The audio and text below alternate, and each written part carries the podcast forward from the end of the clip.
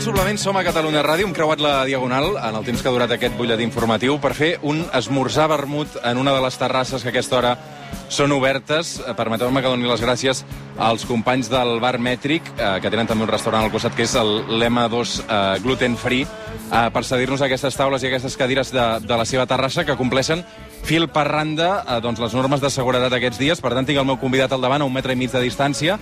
Eh, ens acabem de treure la mascareta perquè tenim doncs, el protocol marcat. Carlos Cuevas, bon dia i bona hora. Bon dia, com estàs? Molt bé, i tu? Molt content d'estar amb tu. Has fet terrasses ja aquests dies o no? Amb terrasses no, perquè no he trobat lloc, perquè estan saturades, la veritat. Mm. Ha- Has vingut amb bici? He vingut amb bicicleta. Ets d'anar amb bici? Estic començant a anar amb bici. O sigui, tu ets de que eh, arran del confinament eh, i arran també de que ens proposaven sortir a passejar als vespres, Sí? t'estiraves una mica amb la bici, no? No, bueno, jo em vaig comprar aquesta bicicleta arran, arran de, de la nova normativa d'emissions. Uh -huh. Tinc una moto molt antiga del 89 que ja no pot circular per Barcelona. Mm. Llavors em vaig comprar una bicicleta per, eh, bueno, per anar millor per la ciutat. Però vius aquí al costat. Visc Vius a prop, visc a prop. Mm. Visc a prop, però no et diré, no, no vull que ningú em geolocalitzi. Ah, sí? No, no vols que et facin un escratx a casa, no? Exacte. Ah, però, per tant, la bici, eh, després faràs una volta per Barcelona. Després potser vaig al mercat i faig unes compres, sí.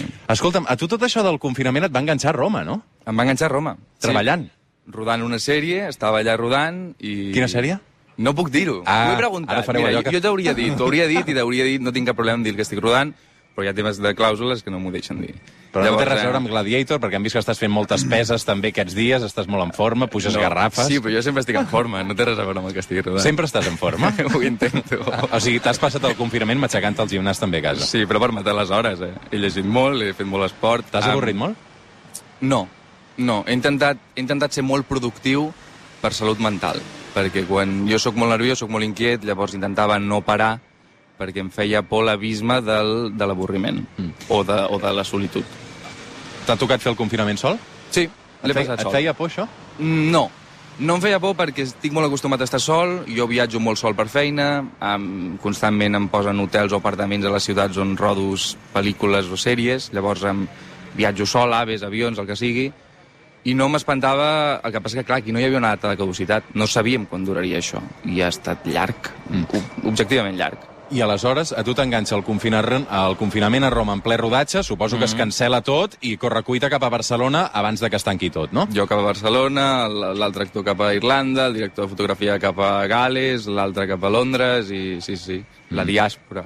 I tot, tot el que tenies programat, evidentment, eh, potes en l'aire. Potes en l'aire i amb una incertesa absoluta. Jo, de fet, vaig ser, jo vaig pecar d'innocent i vaig marxar de Roma pensant que allò no ho tornaríem a reprendre en molt de temps. Mm -hmm. per, per tots els viatges internacionals que implicava i, i, i, i per, per tota la Però és logística. una sèrie o és una pel·li?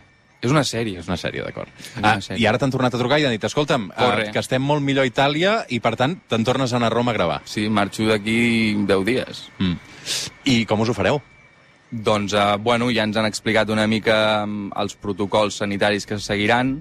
Um, són uns protocols que són bastant estranys i que, i que són, són peculiars pel que fa la nostra feina, la veritat. Jo tindré la sensació d'estar treballant una mica a Matrix, perquè bueno, el món de les distàncies els actors no el podem complir, llavors els actors ens hauran de fer testos molt, molt sovint, um, perquè nosaltres no podem treballar amb mascareta. I després tot un protocol de desinfecció de, de vestuari, de- d'utensilis de, de maquillatge de perruqueria individualitzats, eh, camerinos individuals, menjar als camerinos, càterings personalitzats... I I a mi el- que més m'agrada d'un rodatge és la gent i, i, i fer el garrulo amb l'equip tècnic, saps què et vull dir? Fas molt el garrulo en un rodatge? Quan no em deixen, sí, a les pauses. eh. Soc de- Soc d'equip, jo, soc de riure i soc de generar bon rotllo, sí. Mm. Però, clar, a- aleshores també hi ha un compromís amb la feina. De, si, entenc que us faran testos molt sovint, mm -hmm. però de quan, quan tu acabes el rodatge no te'n vas a fer una cervesa amb, amb, amb amics o amb gent de fora, per, per, també per la salut, perquè en el moment en què una persona del rodatge eh, mm. surt un positiu, tot es cancela com a mínim durant 15 dies, no? Això serà el problema. I el gran problema serà la meva hipocondria, perquè jo sóc un tio molt hipocondríac. Ah, sí? És un dels meus temes. Què et fa por? A la mínima la que mort, tens... Un... que em fa por. La mort, la mort, l'abisme, desaparèixer abans de temps. Home, però ets molt jove per començar a pensar en la mort, no? Sí, però hi penso molt sovint. És un dels meus temes eh, estrella. Sí? Quan vas començar a pensar en la mort? Um, de molt petit. Jo crec que el, el Rei León ens va rebentar la vida a tots, i el Bambi, i, i Disney ens, en- ens va destrossar. I, I jo penso sovint, i és un tema que em preocupa, i penso, i, i llavors jo ara sé que m'hauré de portar molt bé a Roma, perquè després tinc el Merlí, que sembla ser que rodarem, llavors jo no puc arribar malalt ni puc emmalaltir. Llavors jo a Roma tindré una vida gairebé semblant a la, a la dels interns del Vaticà. Ara parlaré un moment de Merlí, eh, perquè està confirmat que hi haurà una nova temporada de Saper Aude que també rodaràs aquest estiu, però m'interessa això de l'amor. Um, què et fa por de l'amor? Que no hi hagi res més després? Això tinc claríssim que no hi ha res més després. Aleshores? Bueno, doncs això, no, que no em doni temps a fer totes les coses que vull fer a la vida, em deixar penjar la gent que estimo, fer petits del meu voltant... Són moltes les preguntes, vull dir, no sóc la primera persona que es No, home, no. planteja No, no. i que parla sobre, sobre la mort, però és un, és un tema que... El patiment, no? El patiment, exacte. O sigui, a mi em fa, personalment em fa, més la, em fa més por el patiment que la mort. Prefereixo un accident de cotxe que una llarga malaltia.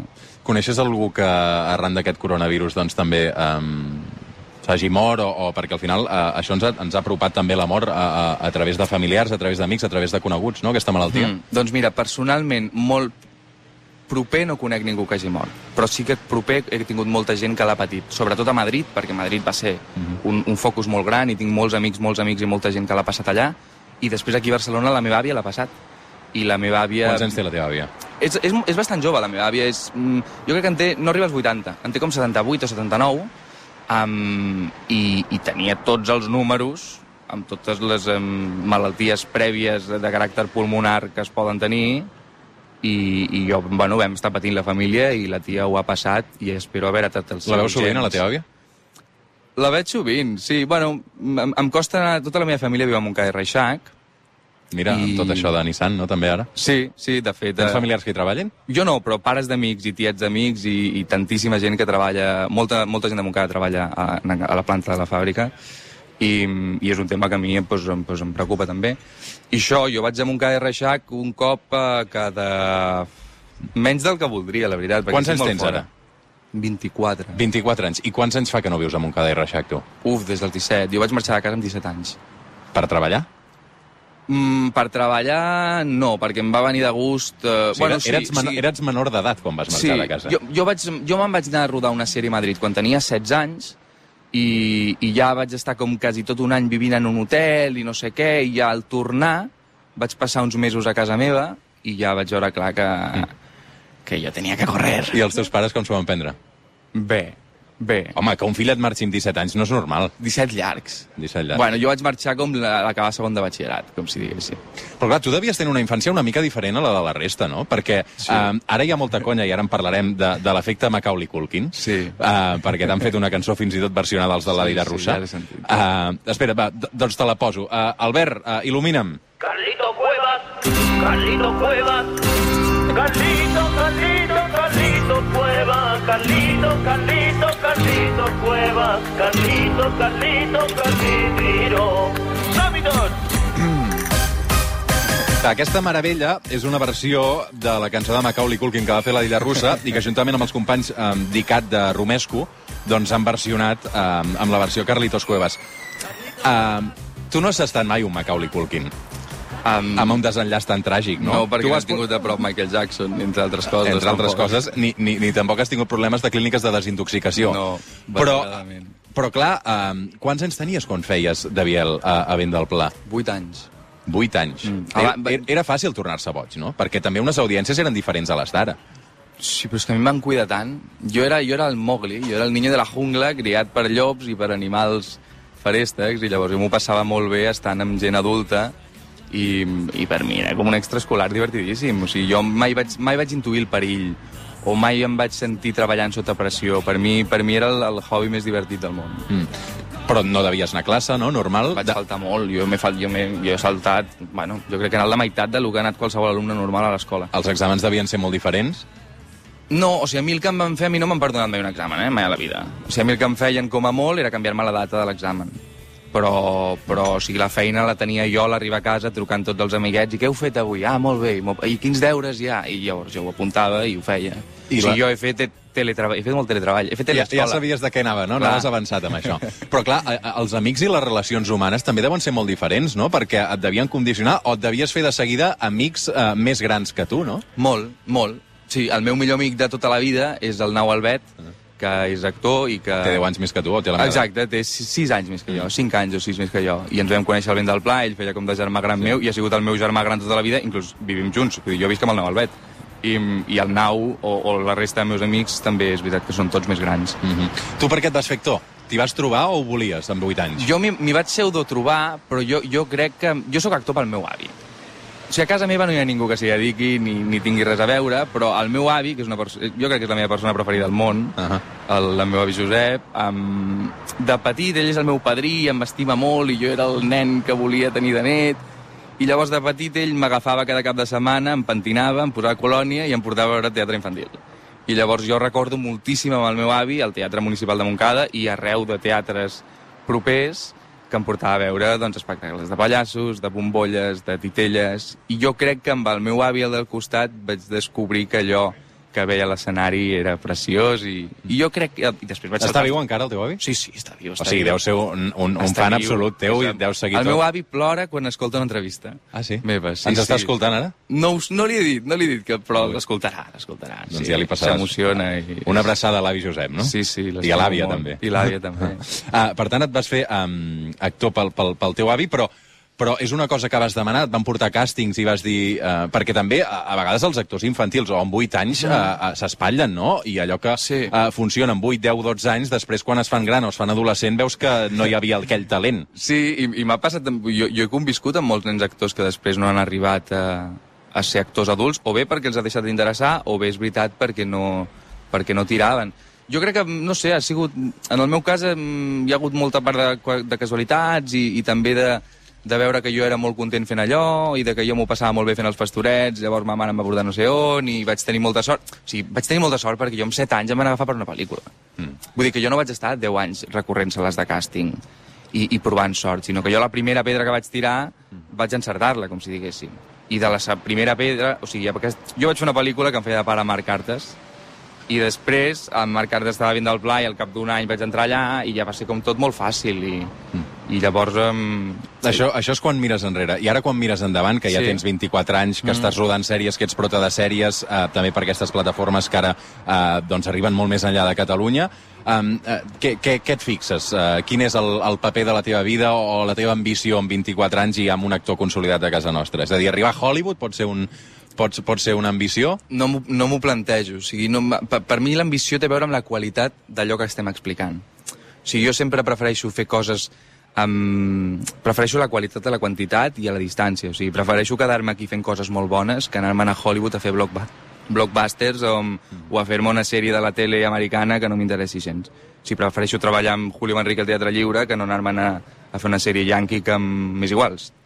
sí, per eh, diners tampoc ho faries? No, perquè ara mateix no els necessito. O sigui, si, si jo, a veure, si, si, si em veiés en una situació apretada, tots faríem coses per diners que... Tens una consciència social important, eh, Carlos? Perquè eh, t'he vist també molt implicat aquests dies amb el sindicat de manters, no? Sí, sí. Els has anat a veure? Els he anat a veure. Em vaig conèixer l'Aziz, que tenia moltes ganes de conèixer, de, de conèixer l'havíem parlat amb ell. Tot això és a través de Rubén Wagensberg, que mm. és amic meu personal i, i li tinc molt de carinyo. Ell i jo ens vam conèixer arrel de, de quan ell va fundar el, el Volem Acollir, Casa Nostra, Casa Vostra, i aquella manifestació brutal que va haver a Barcelona i aquell concert al Sant Jordi. I el Rubén em va contactar a mi per fer d'enllaç amb els actors de Merlí i proposar-nos llegir uns textos, i jo vaig començar a anar a casa del Rubén i ens vam fer amics i, i hem mantingut la relació i arrel d'ell doncs, m'ha fet conèixer el col·lectiu, el sindicat Manté i, i tot el que fan allà, que, que l'altre dia els vaig conèixer i, i són, són els potos amos, o sigui, em van encantar, em van encantar. Som al suplement, som a Catalunya Ràdio, eh, en directe des de l'Avinguda Diagonal 505 a la terrassa del, del bar mètric amb el Carlos Cuevas, eh, fent un cafè, ens hem escapat una estona de l'estudi, respectant les distàncies de seguretat. Escolta'm, Carlos, quantes vegades t'han preguntat per l'helicòpter l'últim any? Ui, unes quantes. Sí, un rato. Et fa vergonya? Una mica, una mica, t'he de dir que una mica. Una miqueta. Una miqueta perquè jo era molt conscient que, que, que això tindria una repercussió, però jo en tant que cinèfil, i que he vist moltes vegades figures d'homes i de dones despullats en el cinema, mmm, penso que no n'hi havia, no havia per tant. I més també perquè no és una escena de caire sexual. No, no. És una escena, és un, és un frame de dos segons amb 20 persones saltant a l'aigua, el que passa és que la gent em mira a mi sóc el prota. deixa'm situar Però- Però... algun oient despistat. A l'última temporada de Marlissa Pereaude eh, hi ha un moment en què el Carlos Cuevas es llança en grup i despullat a la piscina i, i durant la cursa diguem que tot balla i que l'expansió és, és llarga. Bueno, Eh, diguem és el que hi ha. És el que hi ha, sí, sí. Tu et poses nerviós a l'hora de rodar aquestes escenes? No. No, em, em, no, no, perquè aquesta és una escena ludicofestiva que no, que no implica cap compromís emocional més enllà. O sigui, allà, a mi el que em feia patir aquesta escena era no picar-me amb la boca contra l'altra banda de la piscina i que l'aigua estava freda perquè era a principis de juny. Era l'única preocupació que jo tenia. Però Ara, escenes de sexe sí que posen molt nerviós, eh? Per què? Perquè estàs absolutament venut i perquè saps que l'altra persona no vol, que tu no vols, que l'altra persona té parella, que tu potser també, que són les 8 del matí, que, mm, que, bueno, que, que anem a fer-la i anem a fer-la el millor possible. I jo em considero un actor molt compromès eh, quan faig aquest tipus d'escenes i no... O sigui, vinga, vámonos a muerte i, i no, no tinc prejudicis i no poso límits, com si diguéssim, però, però, no, però no les gaudeixes. I a l'hora de rodar uh, aquestes escenes, uh, t'és igual fer-ho amb un home que fer-ho amb una dona? Perquè t'ha tocat fer-ho amb homes i fer-ho amb dones. Uh, I a tu, uh, no ho sé, la veritat, uh, uh, si, si ets una persona heterosexual o no, o t'agrada tastar-ho tot o no. Sí, jo sóc una persona mo- molt, molt heterosexual. Sí, no m'he sentit mai atret per un home. O sigui, no m'importaria i, i si algun dia se'm desperta la curiositat no tindré cap mena de problema en, en anar-hi cap allà. Però, de moment, amb 24 anys, no se m'ha despertat la curiositat. Però m'agrada que em facis aquesta pregunta perquè, perquè m'han preguntat molts cops ostres, que dur deu ser, no?, això de fer escenes amb homes. I penso, senyor, aquesta pregunta és homòfoba. Perquè jo estic treballant i jo no estic... O sigui, jo quan em toca tenir escenes sexuals amb dones, no les gaudeixo sexualment. Si més enllà de que la pugui trobar atractiva o no, que m'ha passat amb casos que he trobat la dona atractiva i casos que no, jo no tinc una excitació sexual perquè estic treballant. Llavors, Bueno, i perquè és molt difícil concentrar-se, no? Sí, és molt difícil concentrar-se, t'estan mirant molta gent i tal, però vull dir, amb un home tampoc no sento excitació sexual perquè estic treballant. Llavors, m'és absolutament igual... T'és indiferent fer-ho amb un home que fer-ho amb una dona quan estàs rodant. Clar, a la meva vida privada és amb dones amb qui jo em desenvolupo. Però... Um, escolta'm, estava pensant, uh, és molt... Clar, a- escenes d'actors uh, i sèries mainstream on es vegi un home uh, despullat de dalt a baix, n'hi ha molt poques. Aquest ha sigut el tema. N'hi ha molt poques. I, en canvi, uh, escenes amb actrius despullades de dalt a baix uh, en, es- en, en sèries mainstream n'hi ha moltíssimes, no? És a dir, um, si les dones ensenyen uh, uh, pit i cul, um, els homes potser també ho haurien de fer i, i no ho fan gaire, no? Tens tota la raó del món. Sí, per això jo no he tingut eh, problemes en, en haver-me de despullar, sempre i quan l'escena ho ha demanat i estava justificat. O sigui, jo tampoc no, no, no em despullaré gratuïtament per al rigor, para, para que la gente lo disfrute, com si diguéssim. Vull dir que... I tu creus que a vegades, en el cas de les dones, eh, sí que eh, se les despulla Sí. eh, per una qüestió Sí. doncs, que no ve I jo per ho he vist, i jo ho he vist i ho he presenciat, o sigui, jo he presenciat proves de vestuari on, on, on, on es sexualitza la dona, on se li posa més escot del que, del que potser necessita el personatge. Els actors us, us hi podeu negar per contracte a coses com aquestes? És a dir, tu pots dir... Moralment, tu pots demanar el que vulguis, suposo. I jo tinc un, un molt, molt bon agent i un, un molt, molt conscient agent amb qui tenim molt controlat tot aquest tema dels despullats. O sigui, jo per contracte decideixo quan em despullo, quan no, i jo tinc la capacitat de, de, de, de, de, de visionar allò que s'ha gravat i de donar permís fins i tot. Jo l'helicòpter vaig consentir-lo. A mi em van ensenyar una escena... O sigui, a mi em van ensenyar una versió de muntatge on se'n veia i on no se'n veia despullat. I jo vaig dir, no, no, deixo que muntem, o em sembla bé que muntem la que estic despullat perquè l'altre es veu que estem fent trampa, saps? I, prefer... I a mi no m'agrada fer trampes.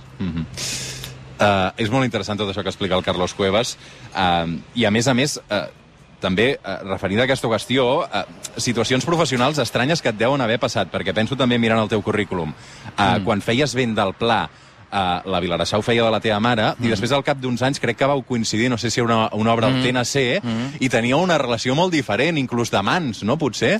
O, o, o, o hi havia una, una part més sexual diferent amb una persona amb una edat molt diferent? Sí, no, no, no anava tant per aquí l'argument, però sí, he, he viscut històries d'aquest caire que, que són divertides, clar. O sigui, la, la roda que... De, o sigui, els personatges... O sigui, els actors anem fent diferents personatges i ens acabem trobant en diferents rols i, i és divertit i és... eh, O jo, amb el Nau Albet, per exemple, torno a parlar del Nau perquè, perquè és el meu amic, no? Però el Nau i jo fèiem de germanastres a Vent del Pla i en el Merlí vam fer de mans. I som companys de pis. I el sopar d'aquella nit a casa va ser estrany, perquè havíem passat el dia Embolicant-vos, revolcant-nos. no? I aquella nit vam fer, bueno, què, això que hem Un, fet un avui? petonet de bona nit, no? No, no, ens no, vam no, estalviar. no hi va haver petonet. Uh, molt bé. Escolta'm, tu ets un romàntic? Ui, definim el terme. Um, Tu creus en l'amor romàntic o no? no, tio, no. no. No. No. Per, no per com estem avui, no? Vull dir, en, crec que tenia... O sigui, no podem aspirar a tenir la vida amorosa dels nostres avis quan no vivim com els nostres avis. no? I això, és- el Bauman ho parla, no?, a la societat líquida i, i el tipus de relacions que tenim. I no me les vull donar de pedant, eh?, perquè No, no, no. tampoc no en sé molt. Però, bueno, o sigui... Si... Tu no esperes trobar una mitja taronja. Jo crec que no. És que no la vull trobar. O sigui, jo vull trobar-ne moltes. Saps què et vull dir? Prefereixo... No, no, no. Vull Però, tenir moltes sigui- relacions importants a la meva vida, no només una. I estimar-les a la vegada? Això no sé si seria capaç, de veritat. Par em preguntes pel poliamor directament? Sí, sí, sí. Va, doncs he estat llegint la, la Virginie Despentes, no?, que té aquest llibre, i, i, i, i molts amics, i és un tema estrella entre els meus amics i entre el meu entorn. Jo teòricament l'entenc molt, a la pràctica i no, no sé si encara estic preparat per, per exercir-lo. La teoria l'entenem, però la pràctica és molt sí, diferent. eh? bueno, perquè potser se'm despertarien gelos o inseguretats massa grans, o... però la teoria te la compro tota, eh? Som al suplement, som a Catalunya Ràdio, aquest que sentiu eh, i que parla tant també i que diu coses tan tan interessants, és el Carlos Cuevas fent el vermut a l'Avinguda Diagonal 505 al bar mètric, just a l'altre costat de Catalunya Ràdio. Posa'm una cançó, Albert. De dos somnis n'hem fet un i encara costa de creure ni una casa prop del mar ni una vida a les muntanyes Carlos, així aleshores, tu ara te'n vas a Roma a gravar aquesta sèrie, que no em pots dir encara el nom, eh, i just quan tornis aquest estiu, si tot va bé i la cosa està tranquil·la, graves nova temporada de Marlissa Pereaude, eh? És, això són els plans, això són els A plans. Barcelona? Sí, Barcelona, Barcelona, sí, sí. La, la, la segona temporada es va, ens la van confirmar, em sembla que al desembre o al gener, i el calendari de producció s'ha hagut de retrasar per tota aquesta megacrisi, però en principi es manté i els plans és rodar a final d'estiu, sí. Mm. Mm. Què fas quan tens temps lliure? No en tinc de temps lliure. Home, has estat dos mesos i mig tancat a casa. Ah, bueno, sí. Doncs això, he aprofitat per llegir moltíssim i veure molt de cinema i, i, i ocupar-me molt. I sóc d'aquests que, que, que he sort- he sortit més culte del confinament. Mm. O sigui, hi ha gent que tenia canalla i que havia d'estar preocupat dels fills o teletreballant. Jo ni he teletreballat, ni tinc fills, ni he viscut sol, per tant he vist cinema, el cinema més pedant que he pogut. Ah, sí? Sí, sí, sí, vamos, primeres obres de Antonioni, de Tarkovsky i, i coses d'aquestes, repel·lents. Ets capaç de veure alguna pel·li d'Albert Serra sencera? N'he vist alguna, però, La última, no? Que hi ha, Però- hi ha molt sexe, també. però, però parant, eh? Una mica he Sí, parat. fent algun stop. Sí, algun stop. Però m'interessa Albert Serra, eh? La mort de Lluís XVI o 15 o 14, no sé com es diu 14, aquella, Lluís 14. Em sembla molt maca aquella pel·lícula, em va agradar molt. Escolta'm, uh, i ets un gran oient de ràdio, no, també? Sí, super. Sé que al suplement ens escoltes moltíssim. Sí, us escolto. M'encanta la Gemma Herrero i el Toni Padilla, m'encanta sí? la, la secció que tens amb el Roger Mas i el Caravent. Mm. Sí, us t'escolto. Algun programa més que escoltis? Sí, clar que sí. Mira, jo entre setmana escolto molt el Bastet, he de dir. Mm. Uh, m'agrada competència, m'agrades tu, um, escolto Catalunya nit també. Ah, sí, amb la Laura. Sí, és curiós perquè l'altre dia estava fent un, un, un Instagram live amb la Laura Rossell Uh, i em va dir que havia vist, uh, amb els companys de mitjans digitals aquí a Catalunya Ràdio durant el confinament, i em va dir, he vist Merlí sencer i m'he enamorat de Carlos Cuevas. Sí, sí, em va arribar, em va arribar el document. Ah, et va arribar el Em document. va arribar el document, em vaig posar histèric, em vaig posar... Vas posar un like, com a mínim, a Instagram. Sí, bueno, és que no passa cada dia que un dels teus amors platònics proclami el, el, el seu amor per tu O sigui, l'amor, la Laura Rossell és un amor platònic. Absolutament, absolutament. Mm. Doncs des d'aquí sí. també el, el, el missatge, no? O sigui, és Sí. un amor correspost, perquè diu que ella es va enamorar de tu mirant Merlí, tu t'has enamorat eh, platònicament sí, d'ella. escoltant-la i veient-la, sí. Però és molt platònic tot plegat, vull dir, de la mateixa manera... En aquest cas sí que creus en l'amor romàntic, eh? Sí, va, aquí t'ho compro, Aquí aquesta m'ho teoria te la compraré. Molt bé. Uh, Carlos Cuevas, m'agrada molt, molt, molt uh, poder-te entrevistar, per fi, eh? per fi ho hem pogut Per fer. fi, ho hem. Uh, que vagi molt bé a Roma. Gràcies. I et seguirem uh, amb intensitat uh, i amb ganes també de, de xerrar amb tu la propera vegada. Pagues tu el vermut, eh? Pago jo, pago jo. Pagues sí, tu el sí. vermut. Que jo m'he d'anar pitant, que tira, tinc, tira. tinc publicitat, tinc el Joel Díaz uh, amb el comunista, que també és una Que sí, secció... m'encanta, eh, també, em ah, sí? molta risa, sí. Doncs uh, ara el saludarem, també. Uh, no sé si el tinc per aquí preparat ja. Joel, estàs aquí? Estic aquí, company. Ah, molt bé, company. Doncs saluda el Carlos Cuevas, Joel. Hola, Carlos Cuevas. Hola, Joel, com estàs? Molt bé, tio, i tu? Doncs pues bé, aquí, Ets comunista, tu, Carlos? tot el que puc. Jo també. És dels teus, eh, Carlos. Ets Som dels meus. minoria. Som minoria al suplement, els que no ho som. Hem de fer proselitisme, Carlos. Clar que sí, ens hem de liar. Sí, Fem sí. una pausa i el comunista Joel Díaz al suplement. Fins ara. Salut.